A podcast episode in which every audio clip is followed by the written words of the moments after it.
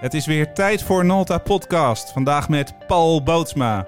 We hebben veel te bespreken over de ontwikkelingen in de wereld van datacenters, virtualisatie en hybrid clouds. Cloud computing heeft veel gebracht op het gebied van efficiëntie en flexibiliteit, maar de vraag is: welk model is het beste, public of private cloud?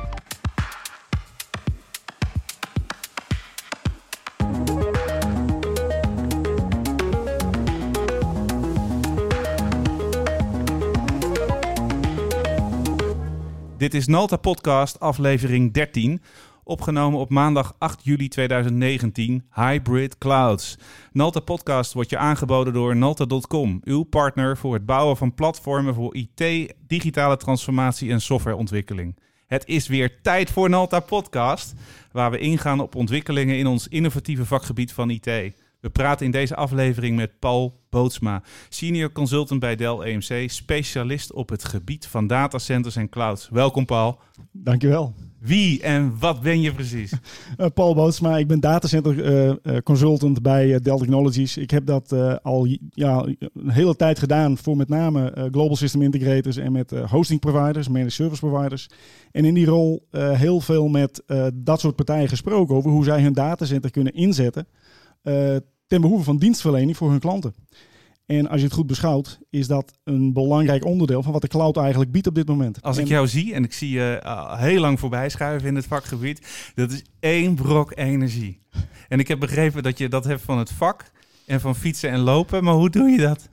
Um, nou, het, ik vind het gewoon een mooi vakgebied. Ik heb eh, een technische achtergrond. Ik heb HTS gedaan. Ik heb informatica gestudeerd. Ik heb neurale netwerken gedaan. Wat? En ik vind die neurale netwerken ben ik op afgestudeerd. Oké. Um, en het is gewoon uh, verschrikkelijk mooi om te zien wat techniek ons kan brengen. En hoe techniek ons verder kan uh, helpen. En daar heb ik gewoon passie voor. Ja, ja dat is zo. Ja, nou ja, dat is dan, dan is het dan wat het is. En tegenwoordig is het uh, cloud wat de klok slaat. En als ik uh, aan een, een, gemiddelde voorbijganger of een gemiddelde voorbijganger in de IT vraag van wat is cloud, dan krijg je twintig verschillende antwoorden. Paul, wat is voor jou cloud?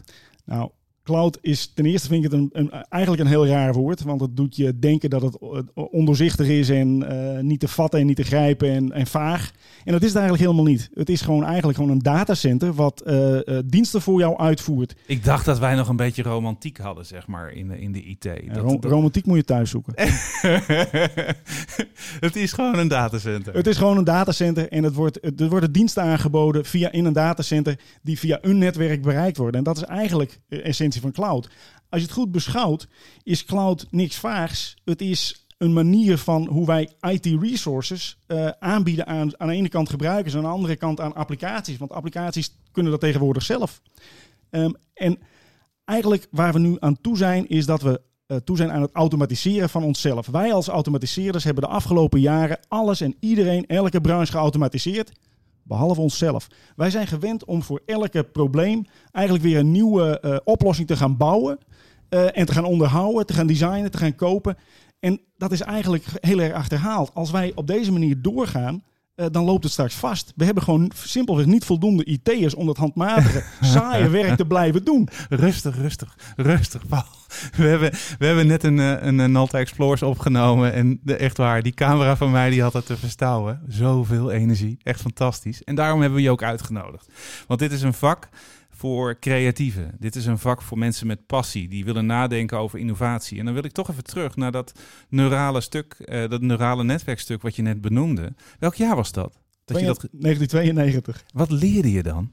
Nou, leren, ik ben erop afgestudeerd. Wij hadden een afstudeerproject. Wij moesten onderzoeken of een bepaald neuraal netwerk uh, al klaar was, het algoritme al klaar was om in hardware te gieten. In die tijd uh, bouwden we ASICs. Maar, uh, voor, de, voor de luisteraar, wat is een neuraal netwerk? Een neuraal netwerk is een simulatie van de menselijke hersenen. Mm -hmm. Dus het gaat over neuronen en synapsen die tussen de neuronen zitten. En daar, ja, daar kun je ook, dat kun je ook in algoritme schieten. En op die manier kun je dus een computer dingen aanleren. Dat is wat dus je leert de computer denken zoals een mens? Nee, zo is het niet. Uh, dat moeten we volgens mij ook helemaal niet willen. Daar gaat het ook helemaal niet om. Wat je kunt doen, is dat je een computer dingen kunt laten verzinnen uh, die, uh, ja, waar je ook je, je, je brein voor zou kunnen gebruiken. Wat wij bijvoorbeeld gedaan hadden in die tijd, was om een computer aan te leren klanken.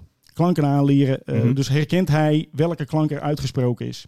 En dat is natuurlijk handig. Nu tegenwoordig is het vrij normaal dat wij tegen een computer praten. Want als jij uh, gebeld wordt door een, uh, een marketingbureau, over het algemeen praat je dan uh, tegen een computer. En die herkent gewoon jouw klanken. Nou, dat heeft te maken met uh, machine learning die erachter hangt. Mm. Die in staat is om klanken van mensen te kunnen herkennen. Dat is eigenlijk wat wij heel in het klein, want in 92 waren de computers niet zo krachtig als nu, hebben gedaan toen. Oh, het, voelt alsof ik een, een, doos van Pandora opentrek op het moment dat ik je een vraag stel. Um, wat ja, vandaag... we, we, zouden het ergens anders over ja, hebben. Ja, maar eigenlijk is dat ontzettend boeiend. En dat gaan we even vasthouden, misschien voor een volgende keer. Want het, want het grappige is natuurlijk, we, we, we bouwen datacenters. En daar hebben we het vandaag ook over. En we hebben het over cloud. En daar gaan we heel snel op door. Maar we doen dat niet omdat we een cloud willen bouwen. We doen dat omdat we ergens uh, een, een, probleem of een uitdaging of een businessvraag uh, willen oplossen. En uh, ja, dat raak je natuurlijk helemaal volop. Um, exact. En dan zit je dus al twintig jaar plus in dit vak. Um, en dan kijken we naar nu. En wat is voor jou dan nu hot and happening in, in IT? Nou, wat je ziet gebeuren is dat uh, er is geen one size fits all. Um, je hebt een, een bepaald probleem wat je opgelost moet zien. Maar het is, jouw bedrijf bestaat niet uit één probleem. Jouw mm -hmm. Of probleem, ik noem het gewoon probleem. Want mensen die zeggen dat ze een uitdaging hebben, hebben gewoon meestal een probleem. Die, hebben gewoon, die willen iets bereiken. En daarvoor heb je IT nodig.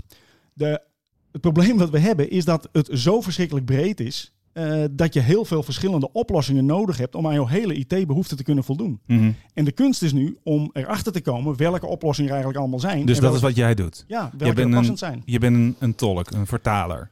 Ja, ik help met name te inventariseren van jongens, wat heb ik nou eigenlijk en waar kan ik eigenlijk allemaal naartoe? Er zijn eigenlijk drie hele belangrijke vragen die je, je in elke omgeving eigenlijk zou moeten beantwoorden. Mag ik iets? Kan ik iets? En wil ik iets? En dit, dit zijn vragen die je moet beantwoorden voor IT of is het voor, voor, nou, voor de familie thuis? Dit is voor de familie thuis, maar dit is zeker ook in IT. en dat is, die, die vragen worden wel eens vergeten te en, beantwoorden. En even terug, mag ik iets, kan ik iets? En wat was de derde? Uh, wil ik iets. Wil ik iets. Dus eigenlijk wil ik iets, dat zegt je iets over de business case. Waarom doe je iets? Welk probleem lost wat ik nu ga doen, lost dat voor me op? En die vraag moet je beantwoorden als je naar de cloud gaat. Mm -hmm. Kan het? Is de volgende vraag. Kan ik mijn uh, uh, workload, kan ik die ergens laten landen? Dus is het technisch mogelijk? Um, en de, de, laatste is, mag ik het? Er zijn er misschien uh, beperkingen ten aanzien van wet en regelgeving of wat dan ook, waarom ik iets wel of niet ergens laat doen. En als je die drie vragen dus kunt beantwoorden, heb je dus ook een antwoord op van uh, welke kant moet het op met mijn IT? En uh, ja, ben je thuis ook. ja, en help je daar. Uh, wat is dan de reactie van klanten als ze dit, dit verhaal van jou horen? Want op het moment dat je wordt uitgenodigd, denk ik dat er een bepaald idee is van wat je komt doen. Ja, Soms is het idee dat ik uh, een bepaalde, bepaald type oplossing kom, uh, kom aandragen. Maar dat is eigenlijk helemaal niet het geval. Want nee. je kunt pas over een oplossing praten als je weet wat het probleem is. En mm -hmm. daar gaat het vaak mis. Uh, we gaan naar de cloud omdat we naar de cloud gaan. En we, we kiezen maar wat. Ja, waarom? mag het? Kan het? Als je die vragen niet beantwoord hebt, dan is het een recipe for disaster. En dat is dus wat ik probeer uh, tussen de oren van ook mijn klanten te krijgen. Van jongens, eerst kijken van wat is er al, wat zijn de mogelijkheden. En een deel uh, zal dan geen business zijn voor Dell Technologies. Nou, dat is dan jammer. Maar een deel ook wel. En eigenlijk waar het mij om gaat is dat de klant gelukkig is met de oplossingen die er gekozen worden. Want dat het er meer zijn is wel duidelijk. en ja, dat daar business voor ons achter zit, is natuurlijk, dat is waar we het voor doen. Maar dat er een deel naar andere type oplossingen gaat, ja, dat is ook een fact of life. En deal with it. En dan terug naar de vraag: wat is, wat is hot en wat is not? Kan je daar iets uitlichten? Wat, wat voor jou echt iets is wat, een, nou, een, wat meer de, de donkere kant? Eh, wat, wat je wel voorbij ziet komen, maar wat eigenlijk niet bijdraagt? Wat heel erg not is, niet, is dat je jezelf vastzet op een bepaalde technologie. Dat mm moet, daar moet je zien te voorkomen. Je moet altijd bedenken, uh, wat ga ik doen als ik niet meer tevreden ben met de oplossing die ik gekozen heb? Wat ga ik dan doen? Dus zet jezelf nooit vast dat er een technologische lock-in is op wat, voor, op wat voor manier dan ook. Ja, dat, dus, is, dat is wat je niet doet. Meer praktisch, dus dat, dat je een bepaalde workload niet meer kan draaien. Of dat je data op een oplossing vastzit en dat je niet kan doorgroeien of ja, een andere technologie kan gebruiken. Ja, je moet jezelf nooit er, je moet jezelf niet vastzetten. Mm -hmm. Omdat, ja, dat bedoel, uh, ja, dan, heb, dan, heb je, echt, dan heb je echt een probleem. Maar dat wil je toch als vendor? Jullie bij Dell EMC willen misschien toch wel dat mensen tot tot in lengte van dagen gebruik maken van je IP. Wij willen uh, die lock-in, want dat is hoe we het noemen, die willen wij uh, graag hebben op basis van de uh, kwaliteit die we leveren en de diensten die we leveren. Wij willen graag dat ze bij ons blijven, omdat ze bij ons willen blijven. Niet omdat wij ze technologisch een, een lock-in hebben gecreëerd. Dat is een slecht verhaal. Dan blijven ze bij je omdat ze niet anders kunnen. Ja, ik weet niet hoe jij getrouwd bent thuis, maar uh, ik zou het niet willen op die Nee, manier. ik ben getrouwd op basis van toegevoegde waarde. Ja. maar als je, als je kijkt naar ehm, eh, eh, wat, we, wat we voorbij zien komen... en heel veel klantuitvragen op dit moment... ehm, is eh, wat is dan het exit scenario? Is dat ook iets wat je dan tegenkomt? Is dat, dat klanten veel actiever bezig zijn van... oké, als ik deze technologie aanschaf... ja, natuurlijk doe ik dat voor de komende vijf, zes, misschien wel meer jaar. Maar hoe ziet mijn exit scenario eruit? Zijn dat dan ook vragen die spelen? Ja, dat is, en dat is ook een, een, echt een vraag die gesteld moet Bij mij worden. thuis niet trouwens hoor. Eh, nee, dat hoop ik niet. Nee, dat gaat nog steeds over toegevoegde waarde. Maar je komt Maar- dat dus tegen. Je, dat kom je zeker tegen. Sterker nog, het is een van de belangrijkste vragen die je misschien wel moet beantwoorden. Wat ga ik doen als ik niet meer tevreden ben met de, de, de, de oplossing die ik gekozen heb? Mhm. Heb ik mezelf dan vastgezet en kan ik gewoon niet anders? Of heb ik een mogelijkheid om iets anders te gaan doen, wat op dat moment misschien beter past? Want op dit moment is het misschien de perfecte oplossing. Maar over een jaar, over twee jaar, ja, dat weet je dus niet. Dus dat is een hele duidelijke not. En Ja. dan nu een hele duidelijke hot. Nou, hot is wat iedereen nu hybride cloud noemt. Word je daar vrolijk van? Ik word er heel erg vrolijk van, ja. Want dat, dat, het is, gaat over keuzevrijheid. Mhm. keuzevrijheid om eh, te kiezen waar en wanneer en, op, eh, eh, en hoe je je eh, eh, eh, IT waar belegt. Keuzevrijheid. Zelf beslissen van jongens, op dit moment is dit de beste oplossing voor mij. Maar misschien is volgend jaar heb ik wel een andere mogelijkheid. Waanzinnig interessant. We gaan eh, na de break verder op dit onderwerp. Want to grow your business and take it to the next level? Well, here we all are, and we're going to show you how through hard work, perseverance, and a little help and know how you can take things to the next level and push the success of your business even further. Let's get going. Wat krijg ik een energie van jou, eh, Paul? Ongelooflijk. Ehm, en dat na mijn vakantie. Een Misschien wel hele... juist daarom. Ja, juist na mijn vakantie. Eigenlijk een hele simpele vraag. Eh, public of private cloud? Allebei. Allebei? Allebei. Eh, de, de, de public cloud is een waanzinnige mogelijkheid om eh, hele dynamische workloads die weinig data lopen te verstoken, om die te plaatsen. Als jij workloads hebt die heel veel, waarbij het gebruik dus heel erg op en neer gaat, waar je niet kunt inschatten hoeveel resources je nodig hebt, eh, terwijl je niet veel data loopt te verstoken, is de publieke cloud wellicht de beste oplossing. Mhm. Je moet er naar kijken, maar wellicht de beste oplossing. Terwijl als jij steady state workload hebt, iets wat jij nu opstart, een applicatie, een workload en eh, grote data in jouw eigen datacenter over het algemeen. ehm, misschien wil je dat juist niet in zo'n publieke cloud hebben, maar wil je dat lokaal op je eigen locatie hebben. Want het is gewoon goedkoper. Maar er wordt toch een, eh, een, een systeembeheerder of een IT-manager wordt toch horendol? Van dat staat daar, dat staat daar. Hoe, hoe zorg ik ervoor dat ik daar controle over krijg? Ja, dit is een goede vraag. En dit is, Dankjewel. eigenlijk, dit is ook de, dit is een van de belangrijkste vragen die beantwoord moet worden. Mhm. Hoe zorg je ervoor dat die IT-beheerders, die eigenlijk zwaar overbelast zijn, hoe zorgen we ervoor dat we die eh, eh, resources kunnen, vrij kunnen maken en ervoor zorgen dat eh, ze slimmer werk voor de business kunnen doen? Want we zien steeds meer dat IT de business wordt. Nou, de manier om dat te doen is door te automatiseren. Dat zei ik voor de, voor de pauze, zei ik het al even. Waar die hele cloud-discussie over gaat, die gaat over het automatiseren van de automatiseerders. Dat is waar het over gaat. Dus eh, saai en eh, eh, rep- repetitief werk, zeg maar, het sys-admin-werk, waarom zou je dat doen als dat ge- geautomatiseerd kan worden? En dat soort mensen, die IT'ers, we hebben nu al te weinig IT'ers. Het wordt alleen maar erger omdat de investeringen in IT worden alleen maar meer omdat IT steeds meer de business wordt. Die mensen hebben we straks zo verschrikkelijk hard nodig aan creativiteit om zeg maar de business te laten floreren met eh, nieuwe, nieuwe toepassingen.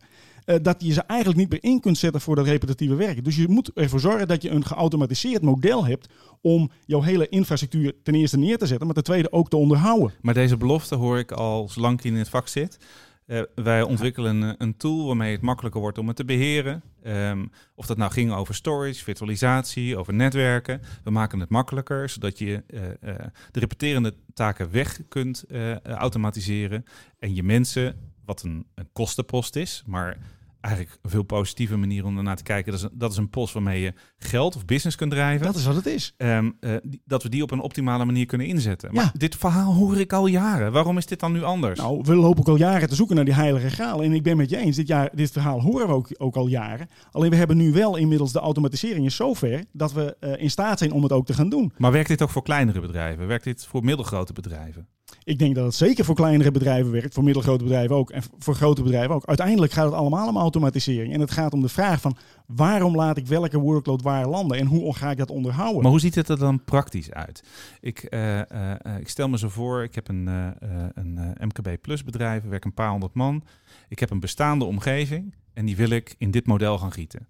Wat zijn dan de stappen die ik moet zetten? Ten eerste moet je precies weten, of je moet, je moet weten wat voor eh, applicaties je hebt. Je moet weten wat voor data je hebt. Dus je moet eigenlijk eh, gaan nadenken over eh, welke eigenschappen hangen er aan mijn data en welke eigenschappen hangen er aan mijn applicatie.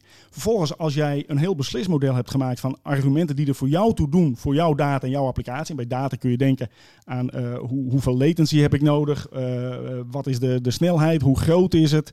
Ehm, eh, eh, dat soort zaken. Bij applicaties kun je nadenken van is het een traditionele applicatie, is het een cloud native applicatie, is het een hele dynamische applicatie, is het een statische applicatie. Als je dat geïnventariseerd hebt, dan heb je dus een beeld van jouw applicatie en eh datalandschap. Eigenlijk de DNA van je Het datalandschap. DNA, zo mag je het wat mij betreft noemen. En als je dat bepaald hebt, kun je dus ook gaan plotten op de verschillende cloud-oplossingen die er beschikbaar zijn. En dan kun je denken aan de publieke cloud. Je kunt denken aan een hosted managed service provider cloud. Je kunt denken aan je eigen private cloud. Je kunt denken aan een eigen eh, eh, gebouwde omgeving. Dat kan nog steeds. De kunst is alleen wel om overal dezelfde eh, manier van automatisering erop los te laten. En, en, en toch, het enthousiasme zit erin, ehm, ehm, de overtuiging zit erin. Ehm, en ik zie dan toch het beeld van een, van een middelgrote onderneming die zegt: Ik wil dan dit avontuur beginnen, maar het komt mij nog steeds heel complex over. Eh, Je, schetst de contouren zeg maar, van, een, van, een, van, een, van een start. Hè? Van hoe breng ik in kaart van wat is, hoe groot is mijn uitdaging. Ehm, maar hoe ga je het dan doen?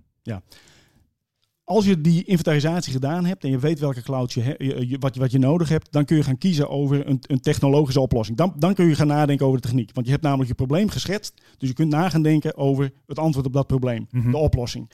Ehm, wat je nu ziet gebeuren is dat er automatisering tools beschikbaar zijn die jou in staat stellen om zowel in de hybride cloud, in de, of in de eh, public cloud, in de managed hosted cloud, als in jouw eigen datacenter, dezelfde manier van automatisering toe te, eh, toe te laten. En we kennen het eigenlijk allemaal al. Heel veel bedrijven werken er al mee. Eén voorbeeld daarvan, en ik denk het mooiste voorbeeld op dit moment, is eh, eh, de VMware Cloud Foundation. Mhm. Als je kijkt wat dat is, het is VMware, we kennen het. Het is ESX, het is NSX, het is eh eh, VSAN. Mensen kennen het al. Met een laagje software eromheen die jou in staat stelt om het te managen. En in één keer hebben eh, zowel eh, Amazon als Azure als eh, IBM Cloud, die hebben dat geadopteerd als een platform. Mhm. Dat kun je bij een managed service provider, kun je datzelfde platform op exact dezelfde manier neerzetten. En in je eigen datacenter, in de meeste gevallen draait het al, draait al VMware. Maar als je daar VMware Cloud Foundation van maakt, dat is de de software, ehm, dan ben je dus in staat om op al die verschillende cloud-oplossingen op dezelfde manier te gaan werken, op dezelfde manier te gaan managen. En dan wordt het in één keer simpel.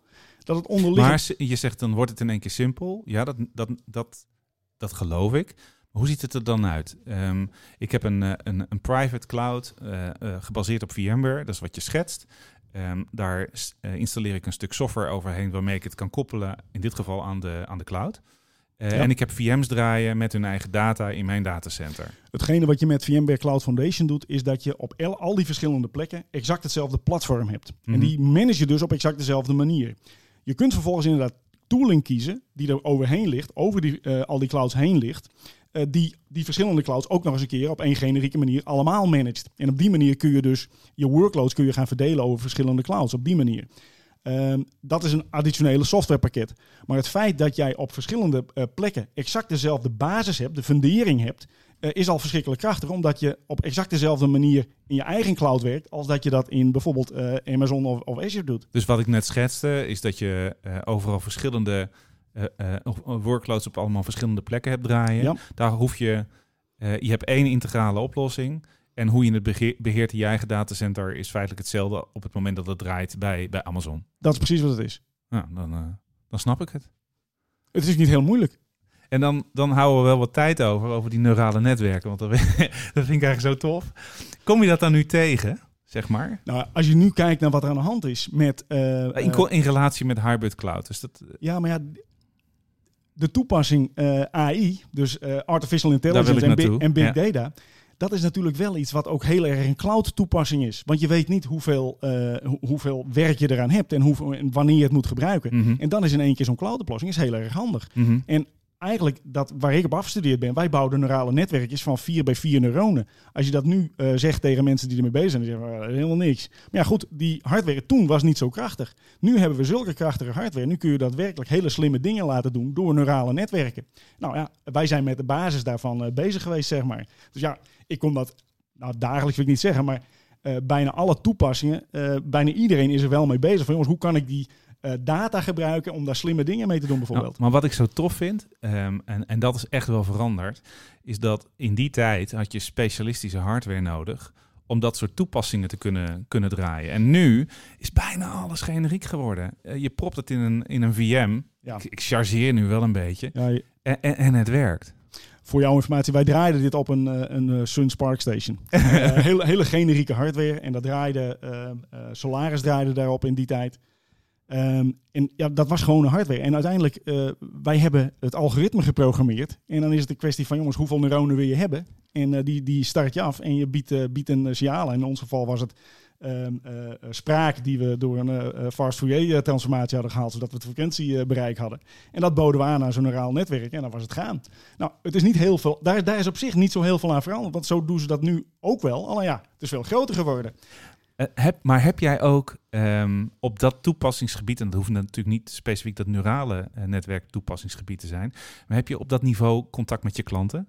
Want dat vind ik namelijk zo tof, is dat je ehm, het hebt over IT. De mensen die hier werken zijn allemaal passievol Ja. ehm, en die hebben fantastische oplossingen. Eh, natuurlijk bouwen wij hybrid clouds. En, ehm, maar waar ze echt enthousiast over worden is, eh, ik heb bijvoorbeeld een collega eh, Vincent, nou, die worden helemaal blij als die het mag gaan hebben over data en hoe die data kan Ja. veiligstellen. Maar wel in de context van zo'n klantcase. Als ik, eh, als ik neurale netwerken of, of artificial intelligence of dat soort zaken tegenkom, dan heb ik gelukkig specialisten bij Dell zitten die daar echt dagelijks mee bezig zijn. Dat heb ik zelf niet. Nee. Maar ik kan in ieder geval redden in zo'n eerste gesprek, omdat ik weet waar het over gaat. En ik weet wat de, de argumenten zijn die daar gebruikt worden. Maar zodra het eh, eh, de diepte in moet, dan heb ik eh, specialisten, collega's zitten en die met, alle vormen van liefde en plezier met me meegaan. Ik heb al, je hebt ontzettend veel advies al gegeven. Je, je hebt de, de drie items die je in elk geval moet vragen, heb je beantwoord. Je hebt uitgelegd wat hybrid clouds zijn. Dat cloud eigenlijk helemaal niet zo romantisch zijn. Daar- daarvoor moet je maar naar huis. Ehm, wat is nog een advies wat je eh, eh, klanten zou kunnen geven, luisteraars zou kunnen geven van dit programma? Ehm, denk eerst na over eh, waar je mee bezig gaat. En stel jezelf de vraag van waarom doe ik dit? Waarom? En bij eigenlijk, dat geldt voor het is een levensvraag. Waarom doe ik dit? Ja. En dat is toch gek dat ehm, mensen wel denken, maar niet altijd uitspreken. Nee. Je moet, wij, wij noemen dat in, de, in onze business, noemen we het, je moet een business case maken. Ja, lekker, lekker woord. Maar uiteindelijk, de business case beantwoordt de vraag waarom je dingen doet die je doet. Waar, wat, waarom word, word ik hier beter van? Of eh, eh, vind ik dit leuker? Of wat dan ook. Maar je, er moet een reden zijn waarom je het doet. Niet om het doen. Waanzinnig, Paul. En ze kunnen je neem ik aan eh, contacten als ze met je willen praten over dit onderwerp. Jazeker. En, als ze, en dan hoeven ze nog niet eens het probleem helder te hebben. Want volgens mij, als jij vijf minuten met iemand gaat praten, dan trek je dat er wel uit. Nou, vijf minuten is misschien wel heel erg snel. Maar eh, uit- uiteindelijk is het wel eh, erover nadenken, erover praten. Eh, klankborden met, met collega's en met mij bijvoorbeeld. om erachter te komen wat er aan de hand is. En wat mogel- ja, de mogelijke oplossingsrichtingen zijn. Hartstikke cool. Bedankt voor het luisteren naar onze podcast. Dank je, Paul, voor het delen van je kennis en ervaring. Graag gedaan. En vergeet niet te abonneren op onze podcastkanalen bij SoundCloud en Apple Podcast. En je te abonneren op ons YouTube-kanaal voor Nalta Explores, Explains video's en Experience video's. Nogmaals, bedankt voor het luisteren en tot de volgende keer.